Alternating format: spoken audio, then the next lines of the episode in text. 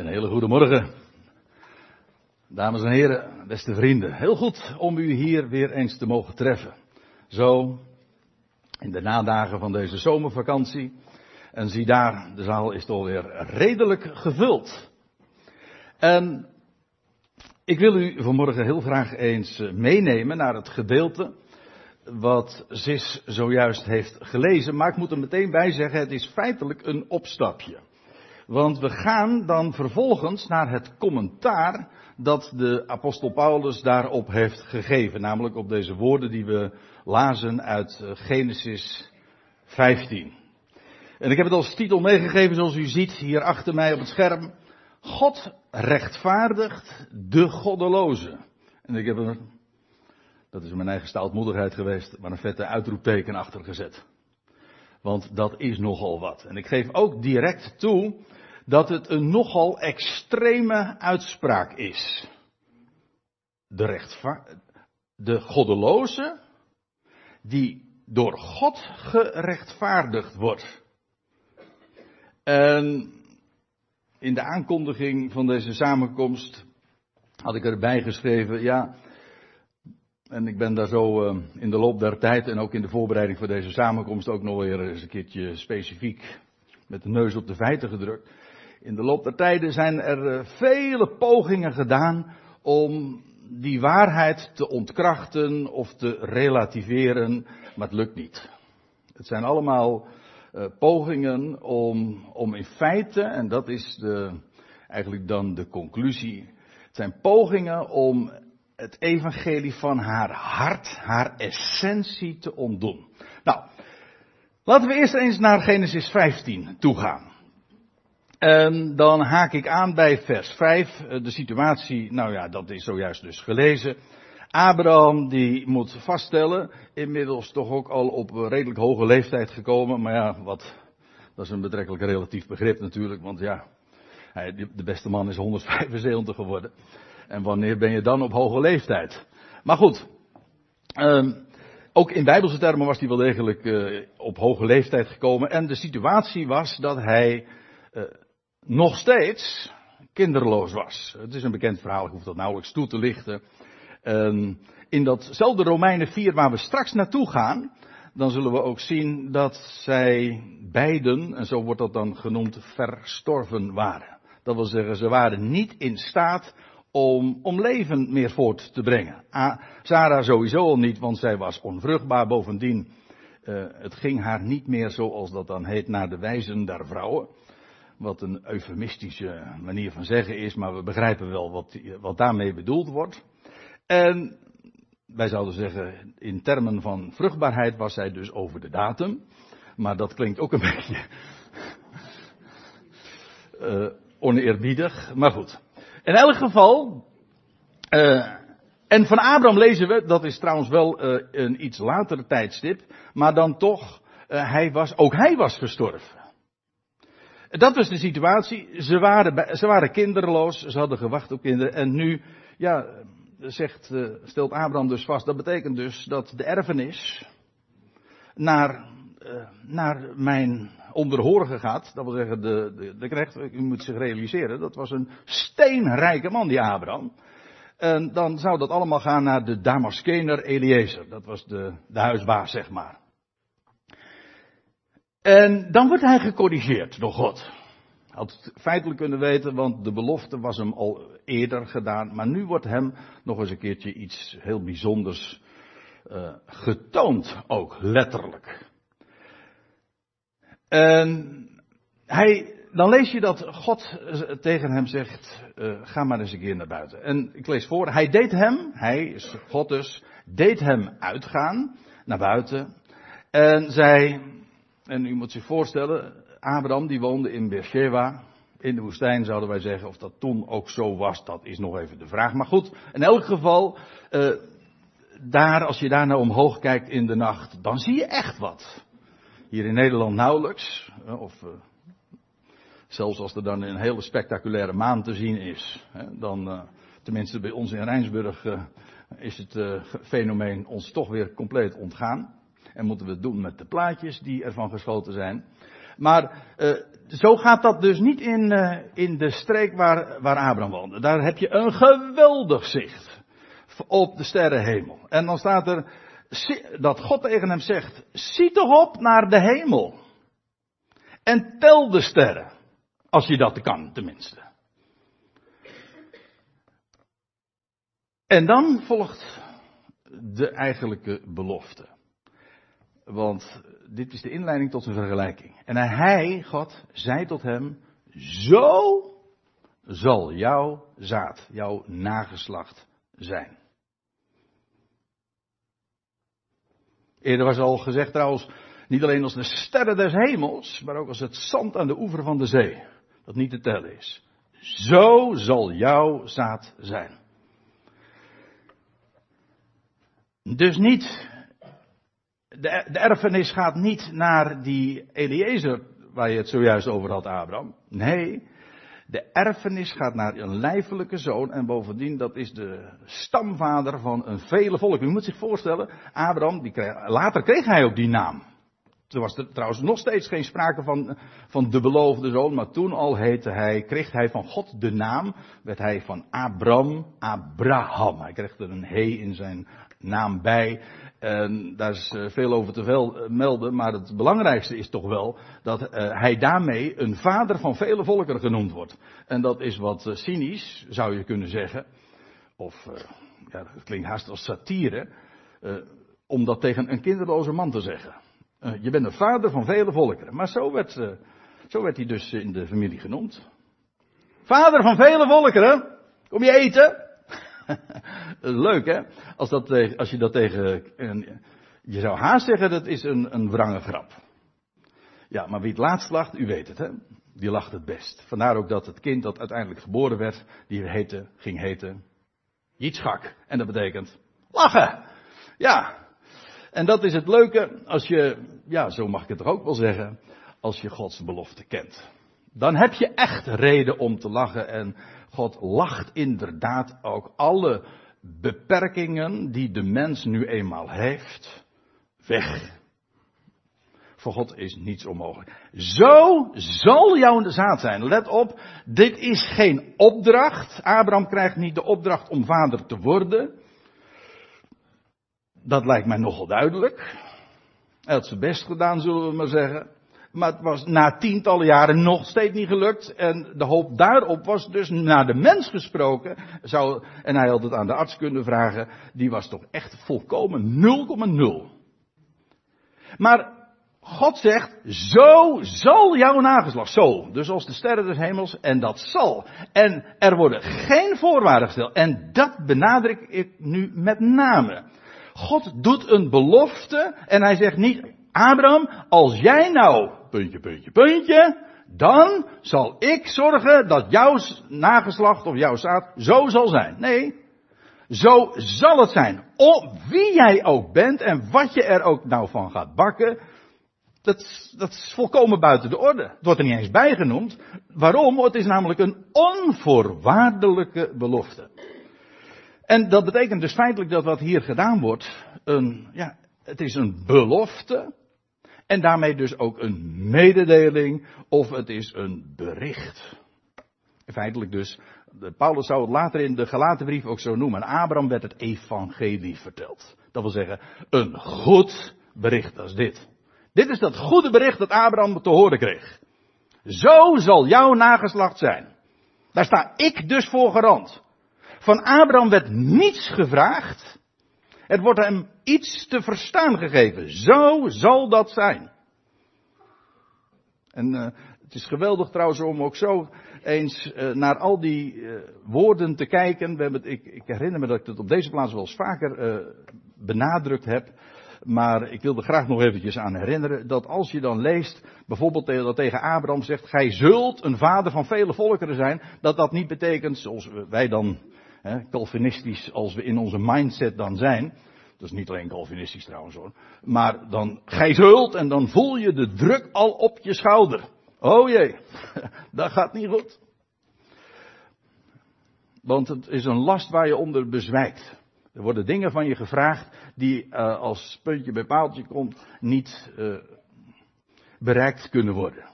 Maar dat is niet wat gij zult ook betekent trouwens. Strikt genomen is het een voorzegging. Jij zal een vader zijn van vele volken. En ook hier, zo zal jouw zaad zijn. En dan staat er van Abraham en hij geloofde in Yahweh. Zo staat het er letterlijk dan. Nou ja, letterlijk wordt hier een woord gebruikt, maar dat is het woord voor geloven in, uh, in het Hebreeuws. Daar zit ons woord amen in. Eigenlijk moet ik het anders zeggen. Ons woord amen komt eigenlijk uit het Hebreeuws weggelopen. Want amen betekent zo zal het zijn. Het is waar. Dat is amen. En in het Hebreeuws zie je dit woord duidelijk dus uh, terugkeren. Abraham dus beaamde God. Hij nam het niet ter kennisgeving aan. Is misschien even belangrijk om dat toch te onderstrepen. Geloven is dus niet, uh, dat is het probleem wat ik een beetje met het woord geloven heb. Dat is de, zeg maar, de disclaimer die je er eigenlijk, eigenlijk bij moet zetten. Als je het woord gebruikt. Uh, bij ons heeft het al de klank gekregen van, nou ja, uh, ik geloof het wel. Hè? En als je het zo zegt, dan hoor je daar eigenlijk al de onverschilligheid in doorklinken. Van nou ja, jij zegt het, uh, zal me een zorg wezen. En trouwens, bij ons heeft geloof ook nog eens een keer de betekenis in het algemeen die van een religie. Welk geloof heb jij? Nou, ik ben een moslim. En dan heet dat ook een geloof. Geloof wil zeggen amen zeggen. En ook, als je het ook vanuit Grieks is, geloven is vertrouwen. Dat is dus iets van het hart. Dat is dus niet zo van, je zit hier en zegt van, nou ja, uh, papa en mama hebben me meegenomen en, uh, hm? zij geloven het. Nee, geloven wil zeggen, ik stel mijn vertrouwen erop, dit is de waarheid. Dus dat is wat Abraham deed. U zegt het. En Abraham hoefde dus helemaal niets te doen. Hij kon ook helemaal niets doen. Eigenlijk is het zo dat Abraham hier bij zijn onvermogen. Eh, nee, het is eigenlijk anders. Eh, Abraham had zojuist zijn complete onvermogen moeten vaststellen. En God zegt: Ja, uh, maar jij bent dan weliswaar aan je plafond gekomen. Maar jouw plafond, dat is mijn vloer. Daar sta ik op. Dat wil zeggen, wat voor jou onmogelijk is, voor mij, en dat is trouwens ook een uitspraak uit de geschiedenis van Abraham, zou voor de Heere, zou voor Yahweh iets onmogelijk zijn als hij dat belooft. In feite wat er beloofd wordt is leven uit de dood. In feite is dat ook weer ja, het hele evangelie. Dat wil zeggen, uit jouw verstorven lichaam, of uit jullie verstorven lichamen, jou, Abraham, Sarah, zal ik leven voortbrengen. En dat is toch precies wat het evangelie is. Dat er leven voortkomt uit, uit de dood dat de dood niet het laatste woord is. En wij allemaal zijn stervelingen, jawel, maar God brengt leven voort. En leven met allemaal hoofdletters dat de dood achter zich heeft. De dood is overwonnen. Dat is het evangelie. Abraham geloofde het al. Oké, in de kiem. En wij kunnen dan zeggen, dat klinkt wat arrogant, 4000 jaar later, wij weten zoveel meer. Ja, de, de geschiedenis verder gegaan. En trouwens, dat wat toen beloofd is, zijn zaad, en feitelijk is dat Christus. Uh, dat zaad is inmiddels gekomen, dus de belofte is inmiddels vervuld. En dus is het in, voor ons niet slechts een belofte, het is een bericht. De belofte is vervuld. Maar goed, Abraham, hij geloofde God. Hij geloofde in, ja, maar hij beaamde hem. En, staat er dan bij, en hij, hoofdletter, God dus, jawel, rekende het hem tot rechtvaardigheid. En dit is zo'n essentieel vers. Dat blijkt wel. Want hoe vaak wordt dit in het Nieuwe Testament niet herhaald? Met name, ja, hoe kan het ook anders? Hij heeft het leeuwendeel van de brieven voor zijn rekening genomen. Veertien brieven. Maar Paulus haalt dit zo vaak aan. En dit is een, een, een, een fundamenteel gegeven in zijn brieven.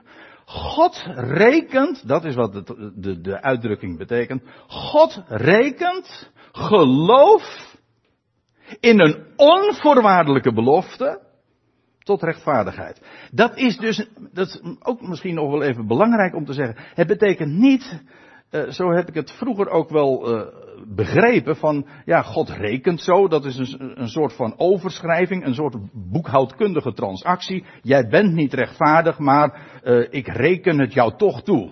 Zo van je. Nee, als God iemand to, tot, zoals in dit geval Abraham, tot rechtvaardige rekent, dan zegt hij, dan verklaart hij, jij bent rechtvaardig. Jij bent rechtvaardig. Hoezo? Deed hij dan iets? Nee, dat is juist het hele verhaal. Hij beaamde dat hij niets kon en dat ook niets had in te brengen en dat God zijn belofte onvoorwaardelijk, hoe dan ook, zal vervullen. En dat geloof, dat rekende God hem toe als rechtvaardigheid. Dat maakte Abraham tot een rechtvaardige. Wat is een rechtvaardige voor God? Iemand die zijn best doet? Hoe vaak wordt het niet verteld? Ik had zojuist over geloof dat in, in onze terminologie vaak niks anders dan een synoniem is voor een religie aanhangen. Maar nou ja, en het zal vandaag ongetwijfeld weer op vele kansels gehoord worden van als je, weet je, doe je best. Of een last die op de schouders gelegd wordt. En dan is het een verademing om werkelijk een goed bericht te horen. Van wat God doet. Weet je, dan, dan ga je, ja, Abraham sowieso, maar omhoog kijken.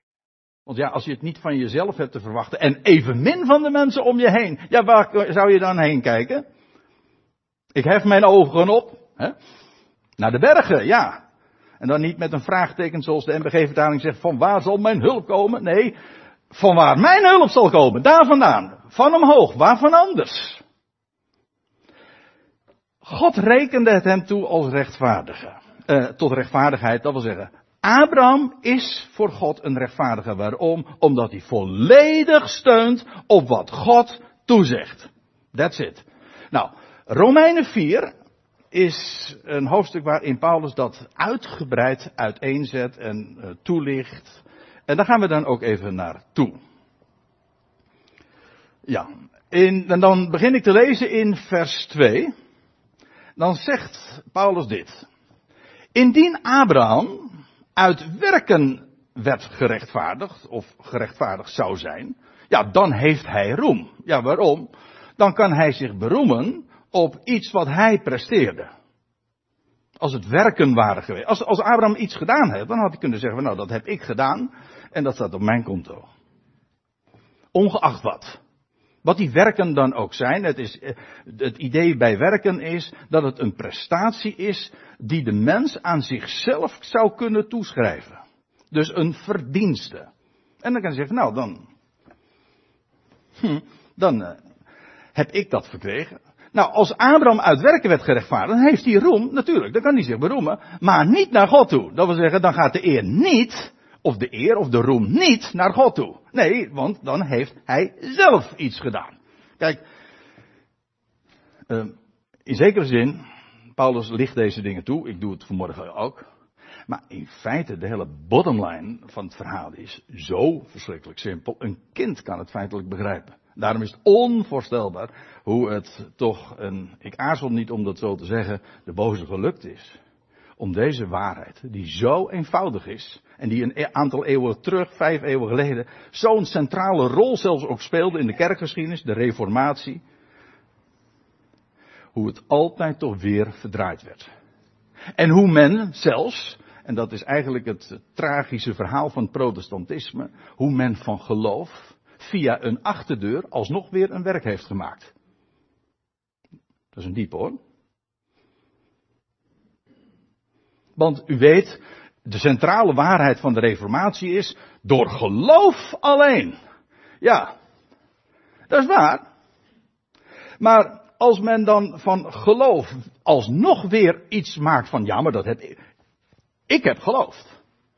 Dat is mijn prestatie. Ik heb, dat is de evangelische variant, ik heb voor Jezus gekozen. Er zijn er nog meer hoor. Maar het idee daarbij altijd is weer, iets van de mens. En dan heb je roem. Of uh, hij heeft alles gedaan. Ik hoefde alleen maar hem nog aan, aan te nemen. U kent ook, nou ja, ik zeg u kent, eh, dat weet ik eigenlijk helemaal niet, want uh, ik ken u niet. uh, of tenminste heel veel van u niet, niet echt goed. Maar het is bekend gegeven en in ons Calvinistisch Nederland heeft uh, speelt dat nog steeds trouwens een heel grote rol. Uh, de, de kwestie van, en dat heet dan zo in, in de officiële terminologie, uh, het aanbod van de genade. En dat betekent van in hoeverre is de genade nou een aanbod. En aan wie wordt het aangeboden? Wordt het zomaar aan alle mensen aangeboden? Of wordt het slechts aan, dat is dan de, de gedachte, aan de uitverkorenen aangeboden? En weet u, het is helemaal niet eens een kwestie van aanbod. Het is gewoon een gegeven. Het is een mededeling. Het is niets. Ja, ik loop nu eventjes voor de fanfare uit, want ik ga het nog duidelijk maken. Het is niet van God uh, uh, wil jouw redder zijn en jij mag dat aannemen. Of hij is een redder voor alle mensen. Nee, hij is een redder van alle mensen. En ik kan tegen elk mens zeggen, hij een hoofdletter, is jouw redder. En dat betekent, in gewoon Nederlands, hij redt jou. Hoe dan ook, wanneer dan ook, maar het feit staat, hij is jouw redder, zoals hij jouw schepper is. En hij is niet jouw schepper omdat je dat gelooft. Dat is toch onzin? Of hij is jouw rechter, dat wil zeggen, hij zet, jou, hij zet alles recht. Hij richt jou. Dat is niet uh, of een voorwaardelijk. Nee, het is een gegeven. Hij is jouw God. Hij is jouw schepper. Hij is jouw redder. Hij, ja, hij is jouw redder, ja. Dat is een mededeling, een bericht. Dat kun je geloven of niet. Even verder. We gaan Romeinen 4. Uh, vers 2, uh, ja, daar wordt dus vastgesteld, ja, als Abraham gepresteerd zou hebben, dan had hij roem, maar dan gaat de roem niet naar God. Ja. Want, en nou zegt Paulus, wat zegt de schrift? En ik kan u verklappen, uh, nou gaat hij citeren uit Genesis 15, vers 6, waar we zojuist uit lazen. Want wat zegt de schrift? Abraham nu geloofde God en het werd hem gerekend tot rechtvaardigheid. Nou, dus Paulus citeert nu uit, uit zijn Hebreeuwse Bijbel. En wij staan ongeveer in tijd uh, net zo ver van Paulus af als Paulus van Abraham. Dat wil zeggen, van Abraham tot Paulus is pakweg vier of 2000 jaar en van Paulus tot ons is ook ongeveer weer 2000 jaar. Dus het is 4000 jaar geleden. Dus uh, dit, uh, ja, Abraham, de aartsvader van het volk Israël, God die hem riep, ja. En nu de centrale waarde. Waarom was Abraham nu een rechtvaardige voor God? Was dat omdat hij zijn best deed? Nee, hij was een rechtvaardige omdat God, omdat hij God geloofde op zijn onvoorwaardelijke belofte. Nou, en dat is wat Paulus hier ook naar voren brengt. En niet alleen hier trouwens. Hoewel hij het hier wel heel fundamenteel ook toelicht en uiteenzet. Nou, dan gaat uh, Paulus verder en hij zegt, nu wordt hem die werkt, dat wil zeggen iets iets verdient dus, het loon niet toegerekend naar genade of, of als, als gunst. Nee, als jij gewerkt hebt, dan kun je zeggen, ik heb recht op loon. En als je je loon krijgt, hoef je geen dank u wel te zeggen. Oké, mag dan volgens de etiketten zijn dat je het wel doet. Maar ik bedoel, het is een schuld. Dat wil zeggen, jouw werkgever is jou iets schuldig. Het, hij is verplicht het jou te geven. Dat is loon. Je hebt het verdiend. Dat is zoals het gaat met werken. Werken is eigenlijk dus niks anders dan iets verdienen. En als je het krijgt, dan kun je daar aanspraak op maken, want de andere partij is verplicht, is schuldig jou het te geven. Zo gaat het met werken. En nou komt hij. Romeinen 4 vers 5. Dit is het centrum. Maar hem, dat is Paulus dus, hè, die dit dan vervolgens toelicht. Maar hem die niet werkt, dus niks verdient, om welke reden dan ook, als je even teruggaat naar de geschiedenis van Abraham, dan kun je sowieso natuurlijk al vaststellen, ja, er viel niks meer te werken. Hij was al lang met pensioen, zeg maar. Ja, in allerlei opzichten. Hem die niet werkt en dus ook niks verdient en dus ook geen aanspraak op loon kan maken, maar geloof vestigt op hem. Eigenlijk staat het vertrouwd op hem. Er staat dat, dat voorzetsel op staat erbij. En dan moet, als, je, als het combineert met geloof, dan moet je dus zeggen geloven vestigen op. Of, zoals wij zeggen, vertrouwen op. Geloven is feitelijk niks anders dan vertrouwen. Eigenlijk is een mooier woord ook Het woord vertrouwen ligt ook veel meer besloten dat het een zaak is van het hart. Je vertrouwt ergens op. Of je beter, je vertrouwt op iemand. Je vertrouwt op een woord. Hij zegt het. En als hij het zegt, dan geloof ik dat. Dan vertrouw ik daarop. En dat kan aangevochten worden. Betwijfeld worden. Je kunt er belachelijk om gemaakt worden. En reken maar dat Abraham dat ook is zo is vergaan. Trouwens, Abraham heeft zelf later ook zijn zwakke momenten gekend. Maar het mooie is, in het Nieuwe Testament wordt dat allemaal gewoon geskipt. Het, speelt geen rol.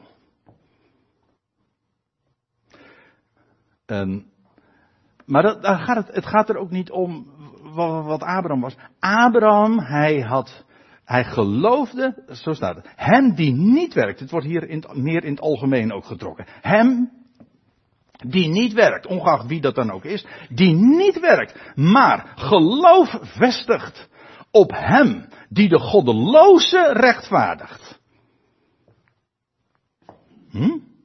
Ja, zeggen uh, de verklaringen dan. Ik daag u uit, kijk het maar eens na bij de exegeten, of ze nou van Rooms-Katholieken of van protestantse uh, huizen komen, zeggen, ja, God rechtvaardigt de goddeloze, als zij, nou ja, hm? Natuurlijk, dat kan het natuurlijk nooit betekenen dat God de goddeloze rechtvaardigt. Ja, maar dat is nu juist de clue als, als hier staat God die de goddeloze rechtvaardig, betekent God maakt de goddeloze rechtvaardig. Dat doet hij dus. En dat betekent dat is helemaal zijn werk. En dat betekent ook dat natuurlijk je kunt zeggen, ja maar Abraham geloofde toch? Ja maar dat is, is dat mensenwerk dan? Als je hem vertrouwt. Als je overtuigd bent van hem. Dat is leuk hè, als je in het Nederlands, als je zegt ik ben overtuigd, dat is passief. Je bent overtuigd. Ja, maar wiens prestatie is dat? Kijk, als een mens God gelooft, dat wil zeggen overtuigd is door zijn woord, dan is dat Gods prestatie. Iedereen, en nou ga ik het heel hard zeggen, en ik denk dat niet iedereen die dit nu naar, van mij hoort, dat in dank zal afnemen, maar het komt erop neer dat als jij denkt, als je gelooft, dat er iets van jou bij zit, dan rekent God dat niet toe als rechtvaardigheid. Nee, dus zo staat het er ook. Maar hem die niet werkt, maar geloof vestigt op hem die de goddeloze rechtvaardigt, wordt zijn geloof gerekend tot rechtvaardigheid. Dat wil zeggen, het vertrouwen dat niets van mij, al was ik een goddeloze, niets van mij, maar Gods onvoorwaardelijke belofte beslissend is. Op het moment dat je denkt dat er iets is van jou, jouw keuze of iets, uh, uh, nou ja, eventueel een ander werk. Maar het is allemaal dan werk. Het gaat er namelijk om dat je het verdiend hebt, of in ieder geval er iets aan gedaan hebt. Nee, het is God die de goddeloze rechtvaardigt. En daarom is dit zo'n geweldige mededeling, want dit is wat je tegen iedereen, iedereen kan vertellen. En niet op voorwaarde dat ze eerst naar jou luisteren of zo. Nee, het is een mededeling. God rechtvaardigt de goddeloze. Dus je kan naar een goddeloze toe gaan. En, en dan, wat is dan de boodschap? God rechtvaardigt jou. Hij redt jou. Hij is jouw redder. En weet je wie de eerste zijn die daarover struikelen? Ja, dat zijn godsdienstige mensen. Zo makkelijk kan dat toch niet zijn? En die geloven dat dus niet. Of ze zeggen, ja, maar je moet wel eerst geloven. maar men demonstreert juist dat men het dus niet gelooft. Welk geloof rekent God tot rechtvaardigheid? Het geloof in Hem of op Hem die de goddeloze rechtvaardigt. Maar rechtvaardigt hij dan iedereen? Ja, dan moeten we even teruggaan, want dit is Romeinen 4 en dan gaan we naar Romeinen 3. Daar had Paulus het al veel uh, duidelijker, ja, ik weet niet of ik het zo mag zeggen, uh, naar voren gebracht. Romeinen 3, vers 23. Ik had eigenlijk een paar versen eerder willen inspringen, maar goed, de tijd gaat door. Ook hier weer eh, een, een, een zo'n simpele vaststelling. Paulus zegt, want allen zondigden. Hij zegt want, want dat had hij juist in de voorgaande hoofdstukken uitgebreid ook uh, ja, toegelicht, bewezen. Voor zover dat nog bewijs nodig heeft. Een mens is een doelmisser. Want dat is feitelijk wat het woord zondaar betekent. Hij zondigt. Hij mist zijn doel. En wie zijn dat dan? Nou, Paulus had gezegd, allen. Wat bedoel je met allen? Nou, niemand uitgezonderd. Zelfs niet één, zegt hij eerder in Romeinen 3. Er is niemand die God zoekt. Zelfs niet één. Dus als hij zegt, want allen zondigen, dan, dan, dan borduurt hij voort op wat hij al eerder had vastgesteld. Vandaar dat want. En het is allen. En het is belangrijk dat je dat allen leest, want het gaat er namelijk om dat het een universele waarheid is waarop geen uitzonderingen zijn. Zoals alle mensen stervelingen zijn, zo zijn ook alle mensen zondaren. Niet omdat ze iets verkeerds trouwens hebben gedaan, want een kind in de wieg is ook een zondaar. Het is gewoon, ja zeg, wat kan dat kind er nou aan doen zeg? Ja, daar gaat het helemaal niet om. Uh, allen zondigen, alle zondigden. Dat heeft niet alleen te maken, dus van zondigden zou je nog kunnen zeggen, dat heeft te maken met de daden. Ja, maar het probleem zit een dieper en dat is dat een mens een doelmisser is. In feite zit hem dat al in het feit dat hij een sterveling is. En dus hij mist het doel, namelijk leven. Hij komt tekort. Dat staat trouwens ook bij, hè. En, ze, en derven, of eigenlijk betekent dat, en hebben tekort van Gods heerlijkheid. En dan gaat het er eigenlijk helemaal niet om hoeveel je tekort komt. Want dat, ja. Natuurlijk, daar is verschil. Er zijn, er zijn ah, ik had vroeger een buurman en die zei, er zijn twee soorten mensen. En eigenlijk, die man die, uh, die deed ongeveer alles wat God verboden had. Dus hij wist waar hij het over had. Hij zei, er zijn twee soorten mensen. Je hebt slechte mensen. En je hebt hele slechte mensen. ja.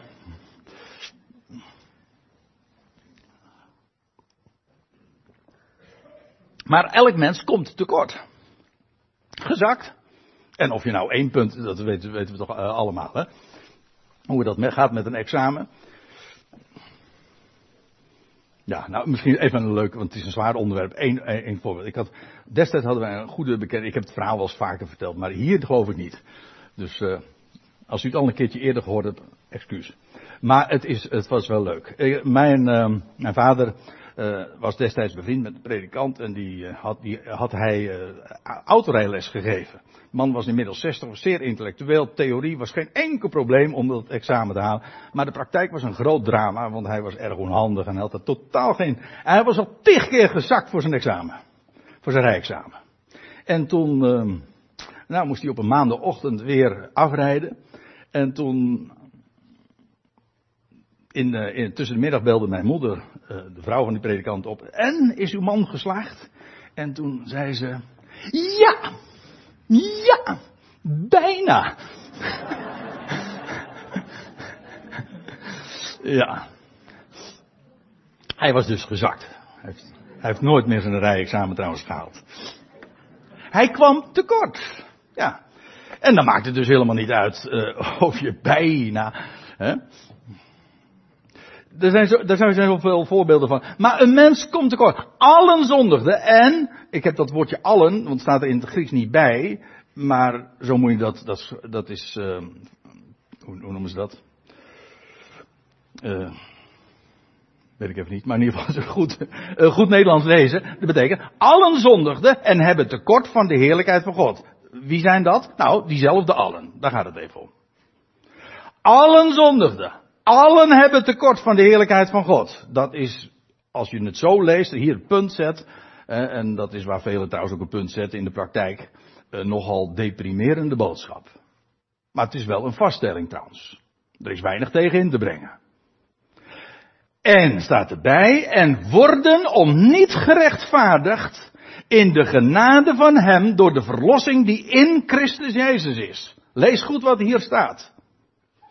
Allen zondigden.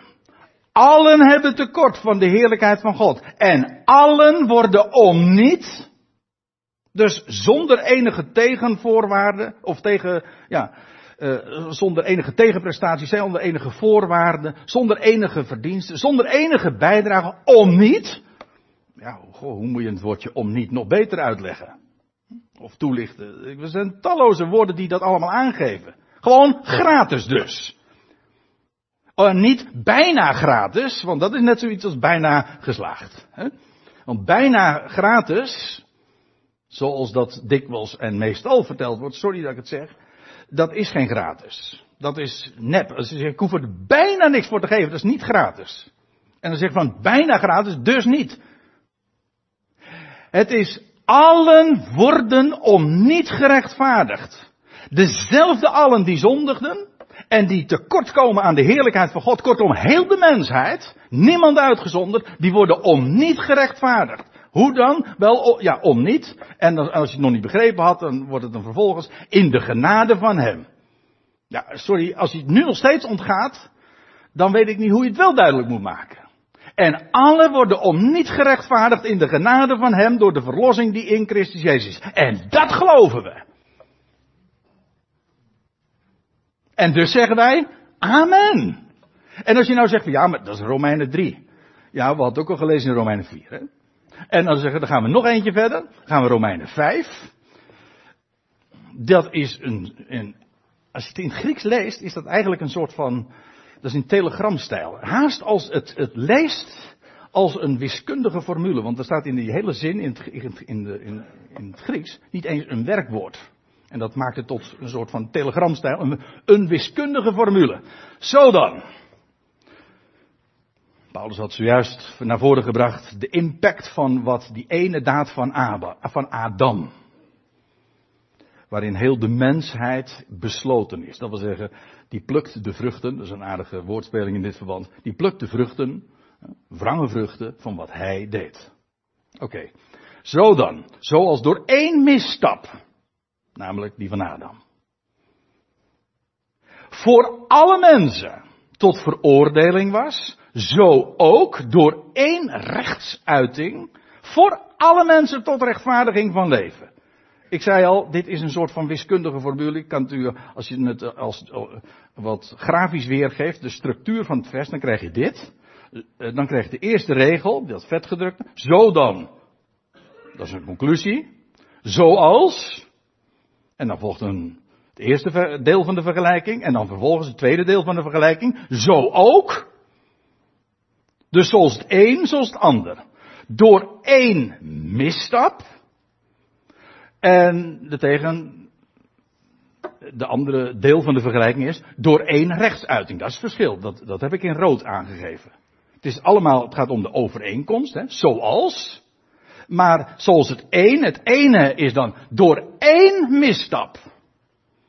Maar ook door één rechtsuiting. Dan staat er een rechtvaardige daad. En als je het even doorleest in vers 19 blijkt dat een daad van gehoorzaamheid te zijn. Dat is, dat is wat recht is. Eén misstap.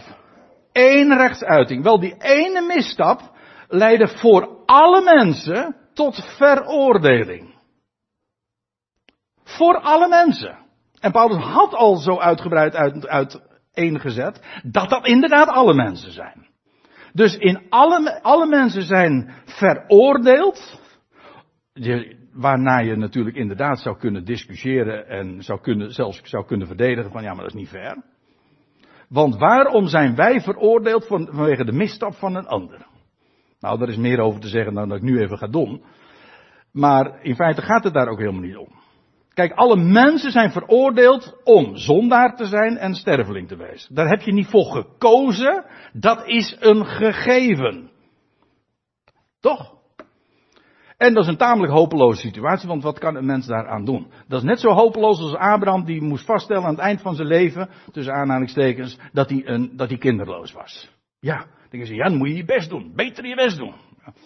Klinkt ook wat uh, banaal als ik het zo zeg, maar uh, u begrijpt wel, dat is gewoon onzin. En dat kun je tegen een sterveling zeggen. Ja, je moet zorgen dat je, dat je geen sterveling meer bent. Ja, hallo zeg. Dat, dat zijn we. Dan we lopen met de dood in de schoenen. En er zijn pogingen genoeg. Trouwens, die worden nog steeds ondernomen. Om uh, aan die uh, tragedie, zeg maar, een einde te maken. En, ja. Nou, ik moet ze teleurstellen. Maar eigenlijk is het geen teleurstelling. Want er, ik, er is een goddelijke oplossing. Er is wel leven. Ja, er is geen, er is geen leven voor de dood, hè? Ik weet dat het tegendeel wordt meestal uh, gezegd, van, is er leven na de dood? De vraag is, het punt is, de Bijbel zegt, er is geen leven voor de dood. Want wat wij leven noemen, dat is sterven. Dat is gewoon, je bent bezig dood te gaan. Leven is er dus, als het niet voor de dood is, dan moet het wel na de dood zijn. Als er leven is, dan moet het na de dood zijn. En dat is er ook. Er is leven. En dat is 2000 jaar geleden, toen die steen werd weggewenteld, even buiten de poorten van Jeruzalem. Aan het licht gekomen. Toen heeft God hem als eersteling eens voor altijd uit de doden opgewekt. En er is leven en dat wordt beloofd aan elk mensenkind. Want zoals door één misstap voor alle mensen tot veroordeling was, zo ook door één rechtsuiting voor alle mensen tot rechtvaardiging van leven. Dus de mens, zoals alle mensen veroordeeld zijn om zondaar en sterveling te zijn, zo zijn alle mensen ook bestemd, ik zou haast zeggen veroordeeld, maar dat is een wat uh, verwarrend woord in dit verband. Alle mensen zijn net zo absoluut, anders is de vergelijking niet zuiver, daar gaat het nergens over. Zo zijn alle mensen ook bestemd om gerechtvaardigd te worden en levend gemaakt. Wat trouwens ook elders naar voren gebracht wordt. Maar goed, dit is zo fundamenteel. Waarop is rechtvaardiging gegrond? Wel het feit, God gaat leven geven, dat is zijn belofte aan elk mensenkind. En hij gaat elk mens rechtvaardigen. Dat doet hij. Dat is zijn daad en dus ook zijn verdiensten en dus ook, en nou, daar sluit ik dan mee af, in 1 Korinthe 1. Want dat is waar het dan uiteindelijk allemaal om gaat. De grote conclusie. Waar, waar Paulus dit zegt. Maar vanuit hem, God, is het dat jullie in Christus Jezus zijn. Hoe komt het dat je in Christus Jezus bent? Dat is vanuit Hem. Die van Gods wijsheid voor ons werd. Bovendien rechtvaardigheid, heiliging en verlossing. Dat is een hele mond vol. Daar ga ik nu even voorbij. Maar het gaat er even om. Het is vanuit Hem dat jullie in Christus Jezus zijn. Heb je daar iets voor gedaan? Nee, natuurlijk niet. Heb je er iets aan gedaan om in Adam te zijn? Heb je er iets aan gedaan om een zondaar te zijn? Heb je er iets aan gedaan om een, om een sterveling te wezen? Nee, dat is onze positie als mens, als Adamieten. Zo is het onze positie in Christus. Dat Hij voor ons leven wordt. Ja, wijsheid, rechtvaardigheid, heiliging en verlossing. Want ik zal u vertellen, het, gaat, het verhaal houdt hier niet op. Het is niet alleen rechtvaardiging, Hij is het ook die ons heiligt. Hij heiligt ons. Gij zult heilig zijn, zegt Paulus. Uh, zegt, uh, nou, nee, Petrus. Dat wil zeggen, jullie zullen heiligen zijn. En weet je wanneer het in werking treedt? Op het moment dat de mens zegt, ik kan het niet. Maar u zegt dat ik een heilige wil zijn. U heiligt mij dus. Aha. En dan gaat hij zijn werk. Niets van de mens. Opdat het zij. En dat moet dan de conclusie zijn van deze hele morgen wat mij betreft. Opdat het zij, zoals het is geschreven. Paulus citeert weer iets uit het Oude Testament. Wie roemt, die roemen in de Heer. Dus dat wil zeggen, als er iets te beroemen valt, dan is het allemaal aan Hem. En wil je aan Hem alle eer geven, laat Hem daar ook alles doen. En Abraham zei, Amen. En wij zeggen, Amen. Ik stel voor dat we een lied gaan zingen.